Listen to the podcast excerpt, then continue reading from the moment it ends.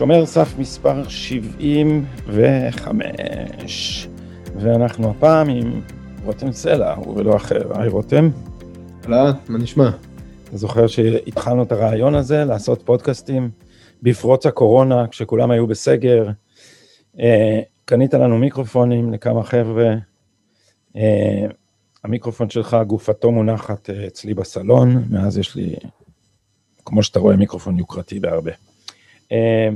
אז מאז כולם התמידו מאוד מאוד בפודקאסטים, כמו שאתה רואה, בעיקר אני. במיוחד אתה, כן. במיוחד אני. אז אנחנו התכנסנו כדי לנסות להסתכל עם הגב לבחירות, עם הפנים לאחור, מה היה פה בקמפיינים, מה עשו טוב, מה עשו רע, מי מיצב את עצמו איפה, מה הנושאים שדיברו עליהם ומה הנושאים שהיו צריכים לדבר עליהם. שנלך מהגדול אל הקטן, אה, או שנתחיל מהקטנים? אה, אני לא יודע אם אפשר, אני לא יודע אם חייבים להתחיל במפלגות, אפשר להתחיל בתמה, בתמות המרכזיות. בבקשה. אה, טוב, אני חושב שדיברנו על זה, אני חושב שהתמה המרכזית והכי מבוזבזת בבחירות האלה הייתה שנאת נתניהו. אני חושב שהאליטה הפוליטית לא כל כך מבינה מה הציבור חושב ומרגיש על נתניהו, במיוחד מהציבור הלאומי, ובגלל זה אה, הקמפיינים שלהם, של כל השחקנים בציבור הלאומי, מלבד אריה דרעי, לא ממוקדים. זאת אומרת, רגע, אתה אומר ששונאי ביבי לא מבינים את העניין, או לא, שהימין לא מבין את העניין, או כולם לא מבינים את העניין? אני אומר, אם, אני אומר שהאליטה הפוליטית לא מבינה את העניין. אתה מבין, בוא נגיד שאתה פוליטיקאי לאומי, כן. אה, ואתה מריץ מפלגה כלשהי, שפונה למצביעי ימין. אתה באופן אישי. אה, לא, זה לא משנה, שנייה. לא משנה מי. השמות לא משנות, לא משנים בכלל, מה אוקיי. שמשנה פה זה התזה. הבנתי. אתה באופן אישי, כמו כל פוליטיקאי ישראלי, כמעט, מימין ומשמאל, שונא את בנימין נתניהו. אתה שונא את בנימין נתניהו, בגלל שאתה במקרה נמצא באותו תחום איתו, ובגלל uh, שילוב של הכישורים שלו, ההתנהלות שלו, והעובדה שהוא מחזיק בתפקיד כל כך הרבה זמן, מובילה לכך שהוא גורם לך להרגיש קטן. הוא לקח את הקרדיט אם היית שר, הוא הפיל עליך פזם בפופולריות, הוא שתה לך את המנדטים, והוא מין תקרת זכוכית כזאת שמרחפת מעליך. ובעיקר הוא תופס את המקום שאתה רוצה להגיע אליו, ואי אפשר לעבור אותו, כן. כן, עכשיו, אתה מלא בשנאה וטינה כלפיו, בגלל כל הדברים האלה, שגם קשורים להתנהלות האישית, דרך אגב, להתנהלות של הבן אדם עצמו. ולטינה הזאת אין שום דבר עם מה שהמצביע הממוצע בציבור הלאומי מרגיש כלפיו. מי שלא נמצא איתו בתחרות או ביחסי עבודה. כי לדעתי המצביע הלאומי הממוצע, אני אומר לאומי, אני מתכוון לאומי, ימני, ליברלי, שמרני, הוא לא שונא את נתניהו. במקרה הכי גרוע, הוא עייף מנתניהו. הוא עייף מנתניהו כי, ש... כי, כי הוא כבר יודע, הוא מכיר את כל השטיקים של נתניהו, והוא יודע מה נתניהו ייתן לו ולא ייתן לו, ואיפה הוא יבטיח דברים במשילות ובכלכלה ובמדיניות הגירה שהוא פשוט לא יישם. והוא היה שמח לראות מישהו שייתן לו משהו אחר. אז דרעי מציע לו אה, ביבי פלוס מזוזה בבית כנסת ספרדי, והשחקנים האחרים, במקום להציע משהו אחר, הם או הולכים על קמפיין מגזרי כמו סמוטריץ', או אה, הופכים את הטינה שלהם כלפי נתניהו לאיזשהו קלף במערכת הבחירות, קלף שלא משחק בכלל בציבור הימני. ואז נגיד לא פוליטיקאים כאלה, לא משנה מי, אבל נגיד פוליטיקאים מהסוג הזה יכולים ללכת לברקו ואופירה ולחתום על פתק שהם אה, לא ישבו עם ביבי, נכון? מה זה עושה? אז, אז קמפיין, אז לדעתי אם אתה מצביע ימין, זה מכעיס אותך. הדבר הזה מכעיס אותך, כי, כי למעשה, ופה, ופה זה, זה עוד עניין של, אה, זה עוד רמה של חוסר הבנה, וזה לא קשור עוד פעם לרמת האנטגוניזם שסער או בנט מביעים כלפי נתניהו. הם חושבים שהפסילה של נתניהו היא פסילה אישית, כיוון שהעניין שלהם עם נתניהו הוא עניין אישי, הוא מסתיר להם את השמש. אבל הציבור לא תופס את הפסילה של נתניהו בתור פסילה אישית, הוא תופס אותה בתור פסילה של ציבור, כי נתניהו עומד בראש מפלגה, שתסיים את הבחירות ככל הנראה עם 30 ומשהו מנדטים, ואם וש... תעיז להגיד לציבור הזה... יש לה מצביעים, כן. כן, אם, אם אתה אומר למצביעים האלה שאתה פוסל את הבן אדם, הם, הם לפני שנייה הצביעו לו, מבחינתם אתה פוסל אותם, זה לא סיפור אישי, נתניהו לא בן אדם פרטי, וזה עוד בלבול של החוסר הבנה של מה הציבור מרגיש כלפי נתניהו, ואיך הוא תופס את נתניהו. הוא לא מסתיר להם את השמש. אז קודם כל, אז סמוטריץ' ודרעי לא עשו את זה. לא עשו את זה. אז, רגע, דרעי, דרעי עשה את הקמפיין הכי טוב שיכול להיות. דרעי רץ כבר כמה מערכות בחירות על אני נתניהו פלוס. הבן אדם הזה יהיה פה, אני נותן לכם איזושהי ארומה, הארומה הזאת מדברת, אה, ארומה מזרחית, הארומה הזאת מדברת לכל מיני אנשים. היא לא אפילינג לרוב הציבור הישראלי, כי רוב הציבור הישראלי לא נמצא לשמחתנו בסיפור העדתי הזה. אבל... אז הוא כאילו אומר למצביעים שלו, בואו בוא. שני פתקים. אתם, אתם מקבלים אה, שני מועמדים בפתק אחד, תצביעו לי, אתם גם מקבלים את ראש הממשלה שאתם רוצים, וגם אתם אה, מייצגים את ה... אה, כל המזרחי מסורתי עד חרדי, עד, עד דתי. כן, okay. אוקיי. עכשיו, עכשיו אתה היית יכול, היו יכולים ללכת, היה יכול פוליטיקאי בציבור, שפונה לציבור הלאומי, לבוא ולרוץ על אני נתניהו, פלוס משילות. סמוטריץ' עשה את זה קצת, אבל הוא, הוא כל כך, אה, הוא, הוא, הוא די נבלע בתוך הקמפיין המגזרי. או אני נתניהו, פלוס הנושא הכלכלי. כי בעצם נתניהו בעצם לא, לא אמור להיות נושא, אני כאילו פוליטיקאי לאומי, ומה שאני להתפקד בו זה הנושא הכלכלי, או הנושא של משילות, או הנושא של מדיניות הגירה, או הנושא של זהות יהודית, לבחור איזשהו, או מדיניות פנים, או מה שקורה, החוסר אה, שליטה של המדינה בצפון או בדרום, הוא היה יכול לבחור נושא שנתניהו הזניח וללכת עליו, ואנשים היו מבינים שאם מצביעים לו, הם מקבלים ימין פלוס. אז אני קיוויתי ש, שסמוטריץ' ושמחה רוטמן מיודענו יעשו את זה. ו, והם לא עשו את זה מספיק אה, בקול בהיר. במקום זה היו סרטונים אה, אה, ליריים על אה, אה, בית אבא, הציונות, אה, ההתנתקות, האדמה, החקלאות, אהבת הארץ. כי, כי אה, המפלגה, הציונות הדתית, לצערי, אה, הוקמה סביב ההיפותזה שיש דבר כזה מגזר דתי-לאומי, ושאנשים מצביעים בגלל הזהות של המגזר הדתי-לאומי, ולא באופן ענייני בגלל נושאים. ומה קרה שההיפותזה הזאת לא נכונה? היא הייתה נכונה. לא, ההיפותזה הזאת הייתה נכונה, הייתה נכונה ב eighties, הייתה נכונה ב nineties, אבל הדור החדש של הצעירים ה... הימנים לאומיים, מצביעים בסופו של דבר לפי נושא. למרבה השמחה, הם רואים אותם כ- כישראלים, הם כבר מספיק זמן פה בארץ, בשביל לא לפחד שהולכים לזרוק אותם לקרמטוריום ואנחנו נמצאים בגבולות אושוויץ, הם בטוחים בזה שהם המדינה שלהם, הם לא מפחדים לבוא ולדרוש מהפוליטיקאים שלהם, הם לא מרגישים בתוך איזשהו, בתוך איזשהו גטו במדינה שלהם, והם רוצים, יש להם סדר יום, סדר יום אידיאולוגי רעיוני, שלא, ש, שמוכן לתת את המפתחות לכל בן אדם שיבוא ויוציא את הסדר יום הזה לפועל, לא משנה אם יש לו כיפה, אם יש לו שטריימל, מה הצבע שלו ומאיפה הסבא וסבתא שלו הגיעו.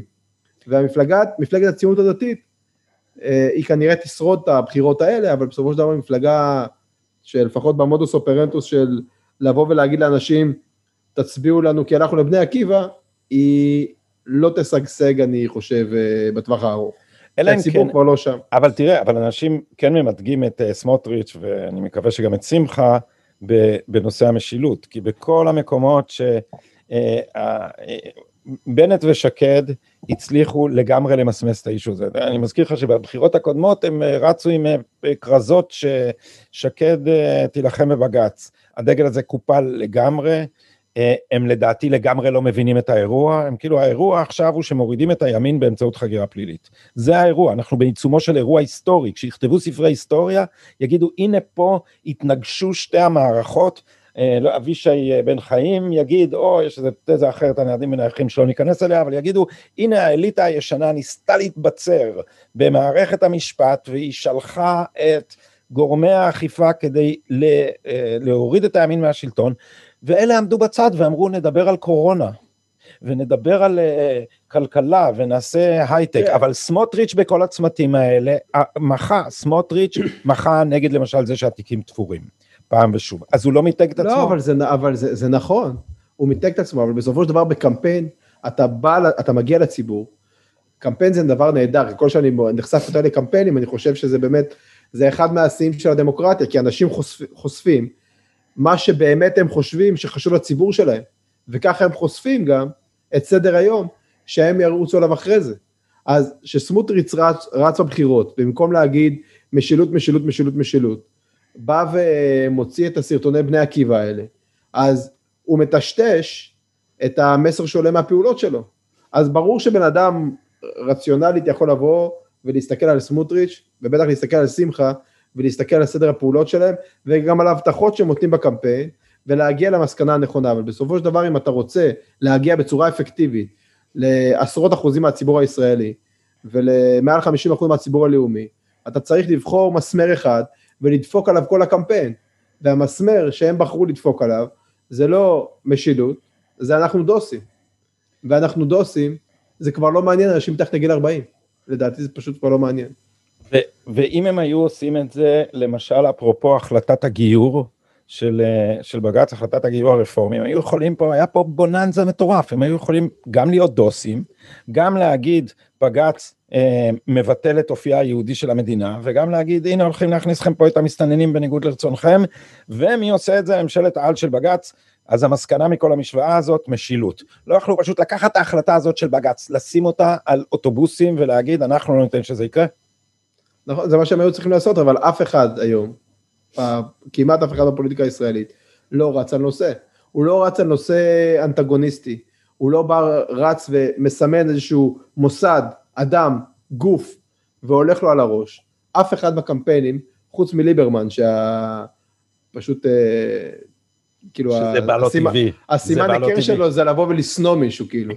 אני אומר לאנשים שאומרים לי, אני רוצה לשים פתק לבן, אני אומר להם, תקשיבו, פתק לבן זה יותר טוב מהצבעה למפלגה אחת, זה ישראל ביתנו. כאילו, אתה, אתה לפחות לא רוצה, אתה לפחות לא שונא בצורה עמוקה חתיכה מהחברה הישראלית עד כדי כך, שאתה בא ואתה שם את הפתק שלו. אבל חוץ מאריה דרעי, שרץ על החרדים, וזה אפקטיבי. אף אחד פה לא רץ באופן אה, מאוד מאוד אה, חד על איזשהו נושא. כולם מנסים לכייס מה, מה, אה, את הקולות שלו, ותוך כדי לא לבוא ולייצר אנטגוניזם, לא להעיר אף אחד. אז אני ראיתי, פעם אחת, יום אחד נסעתי למשרד שלך וראיתי על מה הקמפיין של גדעון סער הלך. אה, ראיתי שלט על אוטובוס שנסע לפניי, קצבת זקנה 4,000 שקל. אני אדאג לכם לקצבת זקנה של 4,000 שקל. מה זה? מה זה? זה כאילו, ירון זליכה מבטיח 25,000. אני לא זוכר על מה, אבל זה, זה בולט על האוטובוס. אז הקמפיין של גדעון סער הוא על מה? אז הקמפיין אה, של לבוא ולעלות על קצבת זקנה, כמו הקמפיינים של רוב המפלגות, בסופו של דבר, מה שהם כושלים מלעשות, הם כושלים לבוא ולהציע הצעות שיש להם מחיר. כשבן אדם שומע, אני רוצה להצ... אה, להעלות את קצבת הזקנה ל...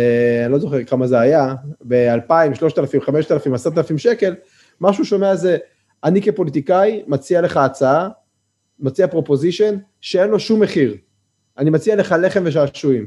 ולשמחתי, בניגוד למה שרוב הפוליטיקאים חושבים, אנשים הם לא מטומטמים. הם יודעים שמישהו מציע הצעה כזאת, אז בלי קשר לקפיטליזם, סוציאליזם, בלי קשר לזה שכמובן הדבר הזה בא על חשבון מישהו וזה בא מכיס של מישהו, עוד לפני זה, הם יודעים שזאת הצעה שקל להציע כיוון שאין לה שום מחיר. אין שום אנטגוניסט, אף אחד לא עומד בצד השני. ובגלל זה המשקל של ההצעה הזאת, בתוך קמפיין ציבורי, המשקל שלה הוא קרוב לאפס, היא לא מעניינת אף אחד. אני, אני חושב כאילו שההצעה, אה, שהפוליטיקאי הישראלי שרוצה קולות ותשומת לב, צריך לבוא ולהציע זה, אתם רואים את הבן אדם הזה? בגללו מדיניות X אה, עוברת עכשיו, סתם הבן אדם הזה יכול להיות אה, ארנון בר דוד למשל, בסדר? יו"ר ההסתדרות, או גברת אה, בר דוד, בר דוד או בן דוד? לא משנה, ראש, ראש, ראש הסתדרות המורים. כאילו אחד מה, כאילו שני האנשים כאילו מהחזקים ביותר במדינה, שאף אחד לא יתעסק איתם בכלל, כל הקמפיין. אני הולך לשבור לבן אדם הזה את השיניים אחרי הבחירות. הסיבה היא, הוא יושב לכם על הכסף. אני יודע שאני עכשיו מתעסק עם עשרות אלפי או מאות אלפי אנשים שהוא מייצג, אבל לא אכפת לי. אני הולך לעשות את זה, כי זה חשוב. כשבן אדם עושה דבר כזה, שפוליטיקאי בא ושם בסוף, שלוקח ריזיקה על קולות שהוא יכול לקבל, הציבור מאמין לו. הציבור מאמין לו כיוון שהבן אדם הזה יוצא למלחמה, ואין לו שום סיבה לצאת למלחמה, אלא אם כן הוא מתכוון לעשות את זה. אבל היפותזות פוליטיות כאלה, בקמפיין הזה לא ראינו. ההיפותזה היחידה ש, שבסופו של דבר משתמשים בה, היא עוד פעם נוגעת בגלל הפיקסציה המטורפת של האליטה הפוליטית, זה פיקסציית הרק לא ביבי. אם אתה איש שמאל, זה הגיוני לרוץ על רק לא ביבי. כי ביבי הוא לא אדם פרטי, ואתה למעשה תוקף את המחנה השני, נכון? אתה אומר, המחנה השני לא צריך להיות בשלטון. אבל אם אתה רוצה את הקולות של המחנה הלאומי, להגיד רק לא ביבי, זה לא עניין אישי, זה אתה אומר, אני לא רוצה שהמחנה הלאומי יהיה בשלטון. והדבר הזה, ככל שהרמת אמינות שהציבור מייחס לאמירות שלך יותר גבוהה, גורם למצביעים לאומיים לא להצביע. לעזוב אותך. כן. אז זה נכון, אז סער דיברנו, אה, אותו דבר אה, בנט שקד. מה, מה היה, אה, מה הם עשו טוב, מה הם עשו רע? אני חושב שההיילייט של הקמפיין של ימינה, של בנט שקד, היה מה שנקרא תוכנית סינגפור, שהוא בא והציע תוכנית קונקרטית, שגם אם אין לה יריבים כמו הסתדרות או משהו כזה, יריבים מאוד מאוד ברורים, היא בסופו של דבר תוכנית כלכלית די רדיקלית וספציפית, שמשכה אש, בגלל שהיא רדיקלית וספציפית, דברים כמו להוריד מס חברות ל-15%, ויצרה אמינות. הוא בא, הוא רץ על זה, הוא דיבר על זה הרבה מאוד פעמים, ואם הוא יתעקש להיות שר אוצר אחרי הבחירות, לדעתי יכולה להיות לו גם בוננזה פוליטית. אה, זה אחרי שהטיקט שהוא אמר לשים הכל בצד וקורונה לא כל כך עבד. אה, לא, לרוץ, ממש... לרוץ, על קורונה, לרוץ על קורונה זה הדבר מאוד מסוכן, כיוון שהקורונה בתקופת החיסונים היא עולם הולך ונעלם. אז לך תדע כן, מה... אחד, זהו, זה ממש היה, זה ממש אה, הזכיר לי, אתה יודע, היה לי, היה לי פעם חבר, אה, שנורא, אני והוא, כשרק קיבלנו רישיון נהיגה, היינו בסוף התיכון, היה סרט כזה, מקס הלוחם בדרכים. ובמקרה קוראים לחבר הזה מקס. והיינו נוסעים באוטו שלי, שזה היה סובארו הרטופ של אמא שלי, סובארו עם הקטנים האלה שהיו, והוא היה צועק מהחלון כמו בסרט, Yeah baby, I'm the night rider. ופעם אחת שהוא התחיל לצעוק את זה, עצרתי ליד האנשים שהוא צעק עליהם, זה היה Yeah baby, I'm the night rider. ככה זה הקמפיין קורונה של בנט. אנחנו ננצח את הקורונה. אה, אז החליפו ברגע האחרון לכלכלה, אבל זה במחיר של קיפול כל הדגלים, לרבות משילות. לרבות משילות, שזה הדבר, כאילו, אני, יש לי אין סוף ויכוחים בכל מקום על, על ימינה, וכל הזמן אני אומר, אתם, הם לא ירימו אצבע נגד הטיעון. העניין הוא, העניין הוא, אני חושב שכלכלה, אני מדבר עכשיו מבחינה פוליטית טהורה, היא נושא יותר גדול ממשילות. ואני לא חושב שהבעיה היא להוריד את הדגל של משילות, אני מדבר עכשיו רק פוליטית, פוליטית כאילו, פוליטי נקי. אבל, אבל, ש... אבל כל דגלי הימין, משילות, ארץ ישראל, אה, ניציות. הבעיה היא אחרת, הבעיה היא שאתה מערבב את האג'נדה שלך, אם אתה רץ על אג'נדה בכלל, שאתה מערבב את האג'נדה שלך, שעוד פעם צריכה להיות אמינה, צריך להיות לך אנטגוניסט, אתה צריך לרוץ על זה, לחזור על זה כל הזמן, אם אתה מערבב אותה עם אנטי נתניהו. כי כל חיכוך של פוליטיקאי שרוצה לרוץ על קולות הימין, קולות המחנה הלאומי, בהגדרה הרחבה שלו, שכל אחד שמערבב את זה עם חיכוך אנטגוניסטי עם אה, נתניהו, בקטע של נחליף אותו, הוא מיותר, צריכים לדפדף אותו, מאבד קולות. אז אם סער או בנט או סמוטריץ' היו שמים את הנושא של ביבי, רק לא ביבי, אה, בצד, והיו פשוט רצים על משהו, משהו שהוא אחד מהדגלים האלה, שמשילות הוא, הוא כאמור דגל חשוב שלדעתי המפלגה של אה, סמוטריץ' הייתה יכולה להרים ולגרוף כאילו אולי כמות כפולה של מנדטים ממה שהיא, מה שהיא אה, הולכת לצבור כנראה בבחירות הקרובות. אז אותו פוליטיקאי היה בסופו של דבר כאילו לוקח, לוקח חלק מהקופה, אבל החיכוך עכשיו שיש לנתניהו, שיש לבנט עם ביבי, עולה לבנט, עולה לבנט בקולות. כי... אבל ההימור שלהם היה שהם יגנבו קולות ממחנה, מהמחנה השני. שהם, אני, אני, אני חושב שגם סער וגם בנט חשבו את זה שהם יושבים על האמצע, הם מייצגים איזה משהו ימני, הם uh, uh, יגידו שהם ימין אבל לא ביבי, ומצד שני הם uh, ייקחו אנשים מה, ממחנה רק לא ביבי, uh, כי, כי גם uh, בציונות הדתית או ב, בין מצביעי ימינה יש גם ממש שונאי ביבי. אז אני חייב להגיד לך שאני לא מבין במצביעי רק לא ביבי, אני לא מבין במצביעי שמאל. בסופו של דבר בן אדם שהתפיסה שלו היא שרק לא ביבי הוא הנושא הראשון בסדר היום, לפני משילות וכלכלה ימנית והגירה, לא יקבל קולות מהימין. לא, לא יקבל קולות מהימין. לא, לא, לא, אני אומר, מצביע שהסדר יום שלו הוא רק לא ביבי, מקום ראשון, והנושאים האלה מקומות, הם במקומות 2 עד 5, הוא לא מצביע המחנה הלאומי. אני לא יודע איך אפשר להגדיר אותו כמצביע המחנה הלאומי.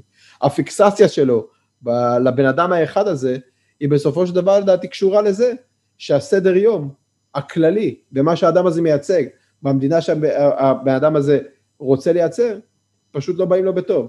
עכשיו, אני יכול להבין אה, למה גדעון סער ובנט ברמה האישית לא, לא, לא רוצים לראות את בנימין נתניהו, אני יכול להבין, ואני אני גם, אתה יודע, ברמה, ברמה האישית, אם אני מסתכל על הסיפור הזה כמו אופרת סבון, אז אני אפילו יכול להזדהות עם, ה, עם, ה, עם איך שהם מרגישים, אבל כקמפיין פוליטי, זה פשוט לא עובד. את הציבור זה לא מעניין. מה שמעניין אותו, הדבר היחיד שמעניין אותו, זה החיים עצמם, החיים שלו. אז עכשיו מסתובבות שני, שתי היפותזות בעניין, אה, בעניין בנט. אה, היפותזה אחת, אני, אה, אני עשיתי איזה סלט ממנה ושמתי אותה כמו שראית בטוויטר, אתה זוכר את זה? כי התקשרת להגיד לי יופי, יופי על הפרובוקציה. והיא אומרת יופי על הפרובוקציה, ב... כי הסיכוי לזה הוא לדעתי אה, נמוך מאוד. אבל הנה קומבינציה אפשרית, נכון? אם, אם. זה, זה ממוצע סקרים של הארץ, אז זה ממוצע, זה קודם כל כבר מכיל את העבר, זה לא מעודכן, אבל באופן עקרוני, יש עתיד, תקווה חדשה, ימינה, ישראל ביתנו, עבודה וכחול לבן, יחד על פי הסקרים האלה 60. זאת אומרת, שאם הגוש הזה, בלי, בלי מרץ, בלי משותפת, בלי חרדים, יגיד, אוקיי, מצאנו דרך להחליף את ביבי, והדרך הזאתי, בנט, אנחנו כולנו נסכים, ה- הימין שלנו יסכים לשבת תחת אה, בנט, השמאל שלנו יעקם את האף, אבל יישב תחת בנט, אנחנו לא נפר את הבטחת, הימינה לא יפרו את הבטחתם לבוחרים שלהם, ולא ישבו עם מרץ או המשותפת, והנה הגוש הזה יכול לשים את בנט בראש. tell me why not. אני אשים שנייה בצד את הממוצע הסקרים המניפולטיבי הזה ששמת, שהתרחיש הזה הוא כנראה בלתי אפשרי, אבל בוא נגיד אם התרחיש הזה היה אפשרי, נגיד והוא היה אפשרי. אני לא רואה את אה, בנט, שהוא אדם אה, סופר אינטליגנטי ורציונלי, שרוצה להיות מנהיג המחנה הלאומי יום אחד, אחרי נתניהו, אני לא רואה אותו בא ויורה לעצמו בקריירה הפוליטית שלו בראש בשביל לגעת בכיסא המלך לשלושה חודשים, חצי שנה, שנה או שנה וחצי. הרי קודם כל, ברגע שהוא, נעזוב שנייה מה זה יעשה למצביעים, למצביע הלאומי, זה, זה ברור שזה נון סטארטר, אני אגיע לזה בסוף, אבל ביום שהוא נותן את הראש של נתניהו ליאיר לפיד ומרב מיכאלי, נתניהו בצד, עכשיו הוא ראש ממשלה. אתה חושב שהם יהיו שותפים קואופרטיביים עם סדר היום שלו? אני חושב שהקואליציה וההתנהלות של אה, כהונת אהוד ברק תיראה כמו הכהונה של רונלד רייגן לעומת הקדנציה של בנט בראש קואליציית שמאל מקושקשת כזאת. אבל נשים את זה בצד, כי בוא נגיד, הדבר הזה קרס אחרי שנה וחצי, עם אפס הישגים, ומלחמות כאילו בלתי פוסקות שבהן מנסים לגמד אותו כי הם רוצים להחליף אותו, הם פשוט רצו להזיז את נתניהו מהתמונה. עכשיו הוא בא למצביע הלאומי ואומר לו, אני לא פסלתי אותך, אני פשוט פסלתי אותו, את נתניהו, איתך אין לי שום בעיה. נראה לך שהוא יקנה את זה? נראה לך, זה כמו ש... זה כמו, זה אותו דבר, בדיוק אותה רמת היגיון, כמו אביגדור ליברמן בבחירות הבאות ירוץ על הקול החרדי. זה פחות, זה בול. זה בדיוק כאילו אותה רמת, כן, הוא יכול. האמת שהוא יכול. ליברמן יכול בפעם הבאה לרוץ על קואליציה של החרדים והערבים נגד הציונות. לא, שהם, הוא רוצה שהם יצביעו, יצביעו לו, הוא יפנה לחרדים ויגיד להם, תקשיבו, הערבים תחילה, תצביעו לי, תצביעו לי. זה פחות, זה אותה רמת היגיון. אז כיוון שאני לא חושב שנפתלי בנט, הוא, יש לו יצר התאבדות, וכיוון שאני חושב שהוא בן אדם אה, סופר אינטליגנטי, אני חושב שהוא מסתכל על המפה ומבין שהשלושים ומשהו מנדטים שיצביעו ככל הנראה ליכוד הבחירות הקרובות, זה המצביעים העתידיים שלו. ובסופו של דבר, עדיף לו להיות מספר שתיים בממשלה של בנימין נתניהו, או בחירות חמישיות אפילו, מאשר גט כריתות עם הציבור הזה, בשביל רומן קצר וחפוז, שלישייה עם, עם מרב מיכאלי, עם, עם מרב מיכאלי ויאיר לפיד. זה, זה פשוט מבחינתי נון סטארטר. עכשיו, שזה להגיד... מאוד גם... תשמע, כי זה בעיה גם עם ליאור שליין, כאילו קואליציה עם מיכאלי ולפיד, זה בעיה גם, לא רק לנפתלי, זה גם לליאור שליין זה בעיה. אבל תשמע, אז בוא, אה, אה, אה, רגע, בוא אתה, לך, אתה, בוא אתה, אתה רואה את זה, אתה, תסביר, אוקיי, תסביר למה זה קורה. אז, אז אני, אני הבנתי את, את הטענה שלך למה זה לא יכול לקרות. אני לא נרגעתי עדיין מזה, כי, כי בעיניי בנט הוא לפעמים עושה חישובים קצרי מועד ב... אה, בהתלהבות יתר מאיזה קונספט ש, שקורס במהרה. אז בוא אני אתן לך את הגרסה היותר אה, ממולחת מה, מהטוויט שלי. הגרסה הזאת היא של חיים רמון.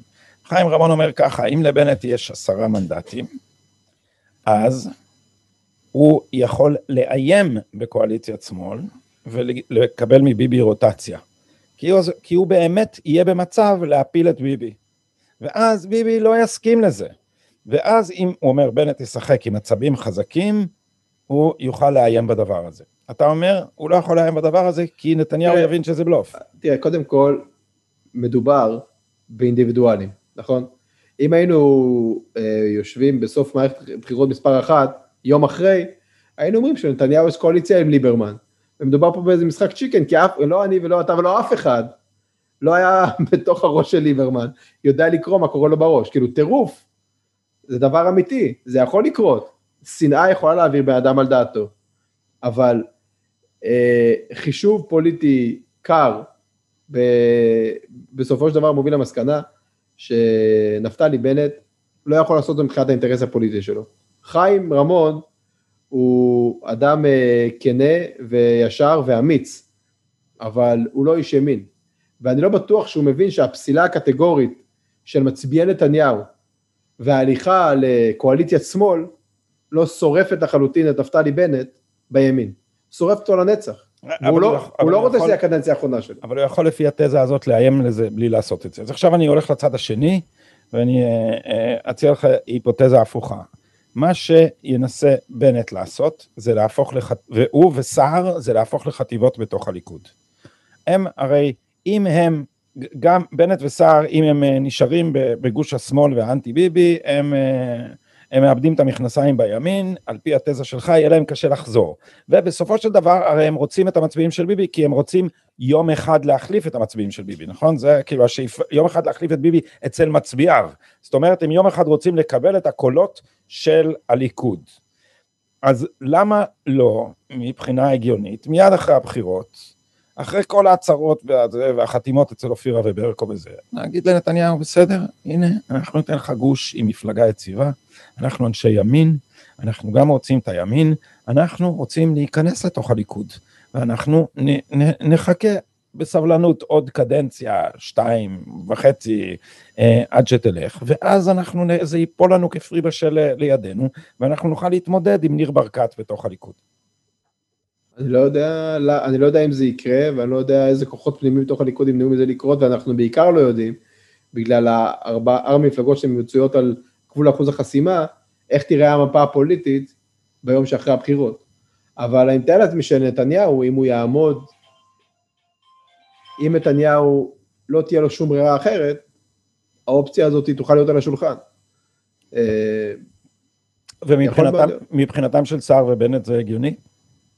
או שהם שרפו את עצמם בתוך הליכוד, שככה שבפריימריז זה פשוט אה, יקיר אני לא יודע, אני לא יודע מה אה, בנט וסער אה, חושבים ומה הפוליטיקה הפנים ליכודית חושבת, אני יודע שאנחנו יודעים שבנט ושקד רצו להיות חלק מהליכוד עד לא מזמן, ושסער היה חלק מהליכוד לפני חמש דקות, ושהפסילה שלהם כביכול היא לא קטגורית, היא אישית. אז להיות, לעמוד בראש המפלגה הלאומית, אני מתאר לעצמי שזה החלום של שניהם. מה עם לפיד? אז לפיד הוא כרגע, לשמחתנו הרבה, הוא מפלגת השמאל של ישראל. ואני אומר לשמחתנו הרבה, כי בניגוד ל... לעבודה הנוכחית ולעבודה של פעם, ובניגוד uh, למרד של מאז ומתמיד, מפלגת uh, יש עתיד היא מפלגה אלסטית מבחינה, מבחינה פוליטית, מבחינה רעיונית, ואם משהו אלסטי מבחינה רעיונית אתה יכול לעבוד. ויש, אה, תראה, יכול להיות שאם הפעם אה, אה, יאיר לפיד לא יצליח לייצר גוש שיחליף את ביבי, הוא יגיע למסקנה שזה כבר לא יקרה. יש סיכוי שהוא יחבור לליכוד לפי דעתך אחרי הבחירות? שהוא ירצה לחבור לליכוד אחרי הבחירות? מה אתה חושב? אני חושב שזה, שיש אפשרות כזאת, כי תשמע, יאיר לפיד עצמו, חשבתי על זה כשדיברת על ליברמן, הרי ליברמן זה ריק ערכי, שיש לו וקטור של שנאה יוקדת, והוא כמו, זה, הוא מצפן בלי צפון, אז זה לא משנה לאיפה מכוונים אותו, הוא יכול, אפשר למלא את זה בכל תוכן ערכי, הוא יכול להילחם גם על uh, החזרת הקומוניזם, כאילו אתה לא, הוא, כל מה שייקח אותו לאנשהו, וזה עם הרבה רשע ושנאה. יאיר לפיד זה אותו דבר, ריק גמור, פוסט מודרני לחלוטין, בלי שנאה, נכון? אינו, כאילו שונא את ביבי באופן ענייני הוא שונא את ביבי, מהסיבות שאתה אומר שהוא רוצה לרשת אותו. אבל אין לו שום אג'נדה משום סוג שהוא, הוא יכול, ואני תמיד אומר לאנשים, הוא לא משקר, זה טעות להגיד שהוא משקר. כשהוא אומר משהו, הוא מאמין בו. ודקה לפני הבחירות הוא יכול בזעם להגיד, איך אתם מעיזים לומר שאני מוכן להתמך בקולות המשותפת? אני, הרי אלה, אתם, זה השקר של נתניהו, אני אלף פעם אמרתי שלא, ודקה אחת אחרי הבחירות להגיד, מי שפוסל את המשותפת הוא גזעני, מה זאת אומרת? הוא מאמין אבל בשניהם. אבל, אבל יאיר לפיד, הוא היום, קודם כל הוא, הוא אדם עם חושים פוליטיים נהדרים. הוא הרי ה... הוא הפוליטיקאי ששורד בצורה הכי מוצלחת בשמאל הישראלי. אבל אה, הוא כרגע עומד בראש מחנה רק לא ביבי האמיתי. כי המחנה הזה, שהוא היום ריק, הוא ריק, כי היה לו איזה רעיון, אה, הייתה לו איזה תזה שהוא התחתן איתה באוסלו, התזה הזאת היא מתה, הדבר הזה ממשיך, כאילו האיבר רפאים הזה ממשיך כאילו להכות ולהיות כאילו חלק מהשיחה, אבל ברור לחלוטין שלכל אה, פוליטיקאי או ישראלי כאילו עם עיניים בראש שזה כבר לא יחזור, אז הדבר היחיד שנשאר להם זה רק הפסילה של נתניהו. שזה למעשה הדבר... הפסילה, זה הפסילה של המחנה השני, שזה למעשה רצון להחזיק בהגמוניה של הכוח. אז אם אתה נותן לנתניהו את המפתחות, אז יש לך בעיה פוליטית. לא בעיה ערכית, בעיה פוליטית. כי האנשים האלה הצביעו, כן, כי האנשים האלה נתנו לך את הקול שלהם, כדי שתהיה רק לא ביבי. הם נתנו לך את הקול הזה, כדי שתפסול את המחנה השני, כדי שתחליף את המחנה השני. אז בעוד המצביעים של אה, סער, ובטח המצביעים של בנט, ימחלו להם על בגידה ב... ברק לא ביבי, הם יכולים לראות את זה כאיזושהי מין uh, טקטיקה, ובסופו של דבר כאילו להתמקד בסדר יום, שזה מה שמעניין אותם, ולא דובר יותר מדי במערכת הבחירות הנוכחית, או דובר בצורה מאוד משובללת. המצביעים של יאיר לפיד לא יסלחו לו, הם באמת רוצים להוריד את נתניהו, כי אחרי שהבן אדם הזה היה ראש ממשלה ברציפות יותר מ-12 שנה, הרי ברור לחלוטין שאיך שהמדינה אותי נראית, נתפסת בעולם, הכלכלה שלה נראית, החברה שלה נראית, כל הדברים האלה קשורים חיסונים. בישות הזאת, כן, בישות הזאת שנקראת בנימין נתניהו. הם רוצים להוריד אותו, יאיר לפיד לא יכול לשתף את הפעולה. זה יפה שהסמל של המחנה הזה הוא צוללת מתנפחת, נכון? כאילו אין דבר שפחות יכול לצלול מבלון, כמו שכל אחד יודע. המחנה הזה הוא צוללת מתנפחת, זה מה שהוא, לא חשבתי על זה, זה נהדר. אין פרשת הצוללות, זה פשוט מטאפורה מושלמת. אה, אז הגענו עכשיו אה, לנתניהו עצמו, קודם כל הקמפיין של הליכוד, מה, מה אתה אומר על הקמפיין של הליכוד? אני לא חושב שזה כזה משנה. הרי כל הפוליטיקאים צריכים לרוץ על משהו, נכון? הם צריכים לרוץ על משהו, הם לא ש... עושים את זה. אבל, אבל נתניהו רץ, אין לו ברירה. הוא מרכז, של המציא... מרכז המציאות, הכל מתנקז אליו. הוא תפקיד ראש הממשלה. כל הבטחה שלו כמעט, היא הבטחה ריקה. למה, למה שלא תעשה מה שיכולת לעשות? מה שהוא יכול להצביע עליו זה הכאן ועכשיו, מה שהוא עושה, מה שקורה, איך שהמציאות נראית, ויש לו מזל, ובמק... והבחירות האלה נופלות בדיוק על זה שישראל יוצאת מהקורונה, ראשונה בעולם, וההישג הזה, שום קמפיין ושום כאילו, אתה יודע מה, שום זמבורה או סרטון לא יכול להפיל עליו או להסיח את הדעת ממנו. זה פשוט כן. מה שקורה בכל בית של כל משפחה ישראלית. והשופט עוזי פוגלמן רק עזר לו על ידי זה, הוא ומנדלבליט, בזה שהם פסלו את החוזרים לחיים. אני לא יודע אם ראית, אבל יום אחרי זה הליכוד העלה חוזרות לחיים. אני חשבתי, מה מיכאלי תעשה עכשיו? מה מרב מיכאלי תעשה עכשיו? אני ראיתי את חוזרים לחייך, שזה גם כן נחמד, אה, חוזרים לחייך, כי יש פה גם איזושהי קריצה להם, כאילו, כן. חוזרים לחייך הזה. לא, וגם איך הם משחקים עלוב, כאילו אתם רק עוזרים, כאילו אנשים כמוני שרצו שהמשילות תעלה בקמפיין, בבקשה, קיבלנו את זה בתמונה של נתניהו ככה, בעצם אומר ליועץ המשפטי, ניצחתי אותך. אה, ומה, אה, ומה נתניהו יעשה? תשמע, החרדה המתמדת והוויכוח שאני מנהל עם מצביעי, אה, מצביעי מרכזה, ימינה, זה הוויכוח על שאומרים נתניהו תמיד בסוף הולך עם ה... עם ה... מעדיף את המרכז והקונצנזוס על פני הימין. אז למה אתם חושבים שהפעם הוא יעשה את זה? הוא יגמור את זה, הוא ינסה לחבור עם אה, מי שיסכים ללכת איתו מהגוש השני. תראה, קודם כל, יהיה, יהיה לו קשה.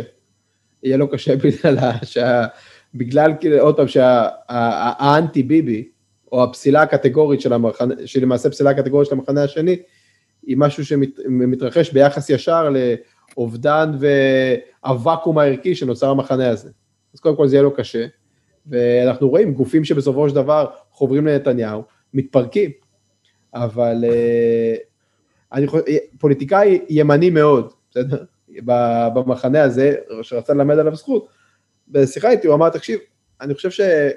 אני בהתחלה באמת גם לא, לא הבנתי את זה, אבל אני חושב שנתניהו, חשובה לו אחדות העם, והוא מפחד, לדעתי בטעות, אבל הוא מפחד, שאם תהיה פה קואליציית ימין אמיתית, שתעביר את הדברים האלה, יהיה איזשהו קרע.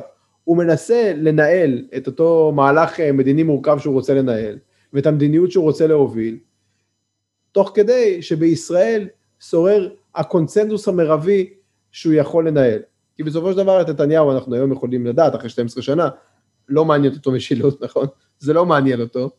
כאילו, כיוון שזה האבן שלו בנעל, אז עכשיו יכול להיות שהוא יטפל בזה. אה, גם הנושא הכלכלי לדעתו הוא נושא שהוא משני לנושא של אה, איך, איך מתעסקים עם הפאזל הבינלאומי, עם בעיית איראן ועם uh, הקבורת uh, חמור של אוסלו, שבה הוא הצליח בצורה פנומנלית. אז אני חושב שגם אם נתניהו ינסה, תהיה לו בעיה קשה מאוד להצליח. חוץ מ... אני, אני לא רואה מפלגה תאבת חיים במחנה השני שמתחברת אליו אחרי הבחירות. כחול לבן. כחול לבן, יכול להיות, האמת שכחול לבן, אני יכול להאמין על גנץ כל דבר, הוא באמת בן אדם שאתה לא יודע איך הוא יתנהג. כן. אבל הוא. אבל לא, הש... תראה, השאלה, הדבר, התופעה הכי אופטימית והכי חיובית בבחירות האלה, שלא מדברים עליה מספיק, אבל היא הכי מעניינת כי, והכי חיובית כי היא באמת, היא מסמנת איזשהו שינוי עומק, זה השינוי בדפוסי ההצבעה של הציבור הערבי. לי אין מושג איך סוקרים את הציבור הערבי. אין לי מושג אם באמת הם מצליחים לקלוט את מה שקורה שם באמת. ואין לי מושג כמה, בכמה תגמור המשותפת. אבל אני רואה, את הסרטונים, אני רואה את הסרטונים שלהם. ואני רואה את הסרטונים, יש להם סרטון שרואים, אולי כדאי שתשים את זה בעריכה או משהו כזה, שרואים איזה בחור, אה, סטנדאפיסט ערבי, שהולך עם חולצה של הליכוד, ו... וטופס הרשמה, והוא הולך בין אה, כל מיני, בכל מיני ערים וכפרים ערביים, ומנסה להחתים אנשים על הצבעה לאבו יאיר. וזה כמובן סרטון מתוסרט לגמרי, אבל אנשים אומרים לו, לך מפה, ואנחנו רק המשותפת וזה, ולא מצביעים לאבו יאיר. אבל תחשוב שבן אדם עם חולצה של הליכוד, הוא המרכז של הקמפ... הוא הפרזנטור של הקמפיין של המשותפת. הרי מה זה אומר? הם בפאניקה, היה להם נרטיב, נכון? הנרטיב היה הנרטיב הפלסטיני, אנחנו מול ישראל, ראש בראש. בא נתניהו, יחד עם מנסור, והם פשוט שברו להם את הנרטיב. ומה שאתה רואה בסרטון כזה, הסרטון העלוב והפתטי הזה, כאילו שהוא מצביע על חוסר ביטחון כל כך עמוק, הם לוקחים את הנרטיב הזה, מנסים לחבר אותו ולהדביק אותו בסלוטפ, על ידי שלוקחים כל מיני כאילו אנשים בפייק אה, דוקומנטרי הזה, מנסים להראות, הנה, הערבי הממוצע כן שונא נתניהו. וההצלחה של מנסור עבאס והמנדטים שנתניהו הצליח לשאוב מה, מהמשותפת, כמה שזה לא יהיה אחד או שניים או יותר, זה הסיפור הגדול האמיתי לטווח ארוך, שיכתבו את ההיסטוריה של הקמפיין הזה ושל התקופה הזאת, זה הסיפור הגדול האמיתי. כי הציבור הערבי, בגלל שהחברה הישראלית היא בסופו של דבר חברה בריאה, והיא הולכת למקום טוב, והיא יותר מאוחדת ממה שהיא הייתה, וכל המגזרים פה, כולל המגזר הערבי, עוברים ישראליזציה, הציבור הזה הופך להיות ציבור אחד, וגם הציבור הערבי זונח את הנרטיב הפלסטיני בשביל הנרטיב הבורגני, וזה נפלא. רותם, אתה אופטימי לאללה בקשר לעתידה של אה, מדינתנו הצעירה. אתה לא? אה, אה, פחות ממך, אני יותר, אולי אני, אולי אני יותר חרד ממך. אבל, אבל רבים במחננו, יש להם, יש להם מרוח האופטימיות. אחרים חושבים שהאליטה באמצעות הפקידות רק הולכת ומשתלטת, ושבעצם כל המשחק הדמוקרטי הזה מתנהל על רפסודה. בסופו של דבר זה באמת תלוי מאוד מאוד באינדיבידואלים.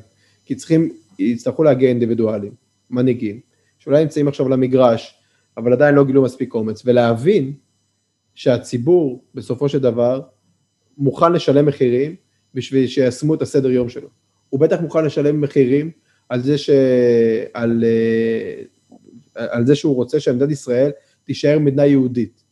הבג"ץ הזה על הגיור הרפורמי, שהוא כמובן הרבה יותר מאשר הכרה בגיור הרפורמי, הוא פותח דלת למעשה מסמוס של חוק השבות, ופתיחת ישראל לכל מי שרוצה להגיע לזה. זה יותר גרוע ממסמוס של חוק השבות, זה פתיחת חוקי ההגירה של ישראל לפריצה יותר מבכל מדינה מערבית אחרת, כי זה אומר בעצם הרי חוק השבות מאפשר התאזרחות אוטומטית, זה אומר שכל מי שיעלה על מסלול הגיור הרפורמי מקבל התאזרחות אוטומטית. זה אומר שלא רק שיוכלו להיכנס לפה, זה אומר שאנחנו נהיה המדינה שהכי קל להתאזרח בה בכל העולם המערבי. זה כאילו החלטה, אחת המטורפות שהיו פה על ידי אנשים שאתה יודע, חושבים שזכויות אדם זה, זה משהו שבודקים אותו עם אה, סרגל אה, אה, מדידה. לא, לכן...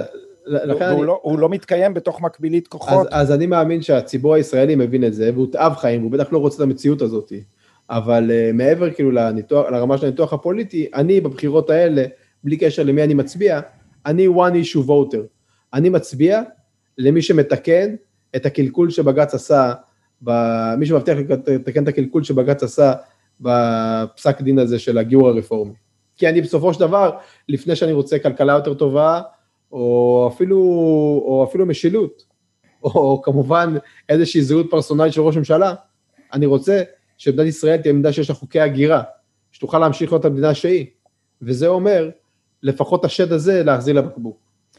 אה, אז אה, נשארנו לסיום עם שתי מפלגות אה, שמאל מובהקות, מרץ והעבודה. מה שמצטייר הוא שמרץ לא הצליחה לייצר אישו כדרישתך מקמפיינים, אבל, אבל אה, מרב מיכאלי הצליחה. תראה, אני חייב להגיד לך שלא אכפת לי איך השמאל מחלק את הקולות שלו. לא, לא, זה לא שלא אכפת לי, אני לא מבין את המצביעי שמאל, כי אני לא מצביע שמאל, אני לא בא משם. אני, אני חושב שזה נפלא שגם זליקה, גם מרץ, גם כחול לבן וגם העבודה, כולם בחרו לרוץ ואף אחד לא פרש, ועכשיו מה שקורה שהמצביע האסטרטגי השמאלי, ואתה רואה את זה בסקרים האחרונים, קופץ ממפלגה למפלגה, לא יודע איפה תיפול ההצבעה האסטרטגית שלו, שבסופו של דבר יש סיכוי טוב שבכיסאות המוזיקליים האלה, אחד מהם ייפול. אבל אה, לפחות מה, מהצד, מצטייר שמרץ היא מפלגה עייפה, ואני חושב שזה יהיה נפלא עם המפלגה הזאת, שהיא הבית לכל כך הרבה רעיונות רעים, תשבוק חיים בבחירות האלה. מה שנראה כרגע בעל, התרחיש, לפחות לפי הסקרים, אני לא מבין יותר מזה, התרחיש בעל הסבירות הגבוהה ביותר. אבל הרעיונות הרעים האלה כבשו את העבודה. אז עכשיו אה, יש לך, בעצם מה שקרה, מה שמת עכשיו זה מפלגת העבודה, יש שתי מרץ. יש, אה, כי אני לא, לא רוצה להיכנס עכשיו לזה ש, ש, שלאנשים האלה שם נדמה שזה שמאל, נדמה שהפמיניזם הרדיקלי והאינדיבידואליזם הרדיקלי שלהם והתפיסה שהאדם הוא אטום שצריך לשחרר אותו מכל כפייה חיצונית, סולידריות עם אחרים, מחויבות למשפחה, להורים, לילדים, נשאר, אה, זה, זה גרסת היאפי של האטומיזם. לא ניכנס לזה, אבל תראה, לא, האג'נדה אבל... הזאת, זו הייתה אג'נדה של מרץ, שדרך אגב, היא, היא, היא יורשת של הציונים הכלליים, אל תשכח, מרץ זה בכלל להגיד עליהם שמאל, יש לה, מפ"ם זה היה שמאל, רץ זה היה ליברלים. אז גם השעטנז הזה, הוא, השמאל אה, הלך ואימץ אה, שילוב אה, בעיניי רעיל של אינדיבידואליזם ואטטיזם, של אינדיבידואליזם והישענות על המדינה. תראה, לדעתי, אנחנו כאנשים פוליטיים יודעים יותר מדי. מרב מיכאלי הרוויחה בקמפיין הזה בענק, מזה שלאף אחד לא היה אינטרס מובהק ללכת לה על הראש. לאף אחד. כאילו, היא נתפסה כגורם חלש בהתחלה, יאיר לפיד רוצה שהמפלגה עוד תהיה קיימת, אם מרצ תעשה את זה זה לא קולגיאלי, ו- ונתניהו והימין רוצים לתקוף את יאיר לפיד, נכון? אז ו- כאילו, וגברים, בשביל, בשביל וגברים, לנפח, בשביל וגברים, לנפח אותו. וגברים לא הבינו מה היא מייצגת, אם הם היו כן. מעיינים בחקיקה בחקיקה שהיא מציעה על מה שהיא תעשה לגברים גרושים פה, אם היא תצליח לקדם אותה, אז כבר אף גבר שפוי לא היה אה, הולך להצביע בעצם על זה שאבות יהפכו ל, לא רק להורים אה, שוליים, אלא להורים חליפיים, במובן הגנצי של המילה, אה, חסרי משמעות בחיי הילדים שלהם. יש, יש את הסרטון המפורסם של אה, מרב מיכאלי בטלוויזיה האוסטרלית. שבסרטון הזה היא אומרת, שהמשפחה זה פסה, זה מקום פוגעני לילדים, וצריכים אה, שהמדינה תחליט מי האפוטרופוס של הילד שנולד, מאיזושהי, מאיזשהו מין אה, גוף אקראי, ושאין לו זיקה אוטומטית, לא צריכה להיות לו זיקה אוטומטית לילד.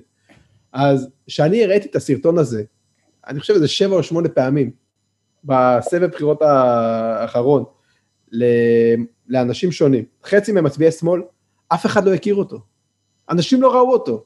כאילו, low information voter, שהם רוב הציבור הישראלי, לא מכירים את הסרטון הזה. עכשיו, אם מישהו היה רוצה, עזוב את החקיקה, אם מישהו היה רוצה לשאוב קולות, או להוריד את uh, מפלגת העבודה, מה שאף אחד לא עשה בקמפיין הזה, הוא היה יכול לשפוך איזה 50 אלף שקל לכיוון של הסרטון הזה, ואני מתאר לעצמי שהוא היה מתחיל איזושהי שיחה. אבל כל מה שאנשים רואים, זה בן אדם, אה, כאילו עם אנרגיה וכריזמה, שעומד בתור, בראש איזשהו פגר, ונפח קצת התלהבות, ושם כל מיני, אה, ומביא כל מיני חטיארים מצד אחד, כאילו שיגיד, תצביעו חזרה בעבודה, כי היה את קמפיין החטיארים, כי הרי המפלגה הזאת היא המפלגה עם המצביעים הכי זקנים במדינה כנראה. ומצד שני, איזושהי התלהבות צעירה כזאת, בלי, של רוח וצלצולים, של בן אדם שברור לחלוטין שהוא חתום במאה אחוז על אנטי ביבי, כי הרי זה דבר שהיא כן הצליחה להוכיח בסבב האחרון של הכנסת. אז אנשים פשוט התנקזו למפלגה, אני חושב שלחשוב כן, שמישהו מאמץ אבל... את ה... מישהו מאמץ את האג'נדה הרדיקלית של מרב מיכאלי, שככל הנראה הוא לא מודע אליה, בגלל, אה, בגלל הצבעה גחמנית למפלגה אותי, אני חושב שזה לא... אבל הוא מודע לזה לא שמספר נכון. 7 שלה היא אנטי ציונית, והוא מודע לזה שאני לא יודע באיזה מקום אמילי מואטי הייתה פעם עבדה עם בל"ד, נכון? עם שלישי מה... או רביעי, היא הייתה כן. דוברת, של בל"ד, כן. כן, אז אתה יודע, אז לדעתי מה שקרה עם מרב מיכאלי זה פשוט כל המצביעים של מרץ עברו להצביע למרב מיכאלי, הזקנים שהצביעו למפלגת העבודה לא מצביעים לה. הם לא, כי עם כל הזה, אתה יודע, הם מגיעים עד אמיר השכל, אבל כשאתה תצטרך לקחת אותם לאבתיסאם מראענה ולהגיד ש...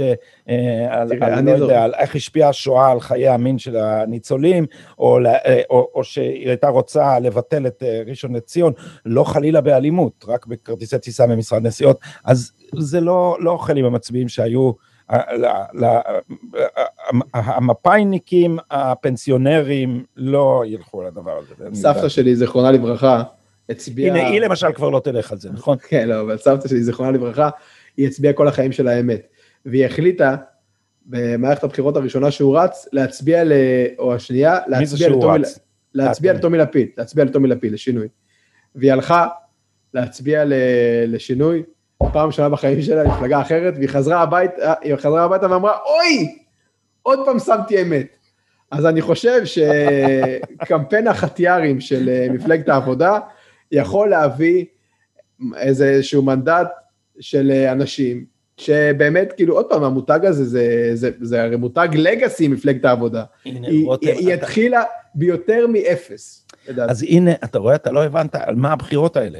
כי עכשיו, ה- ה- השלט של גדעון סער, של ה-4,000 שקל הזקנים, זה ישתה את כל המצביעים של העבודה. לא חשבת על זה, אה?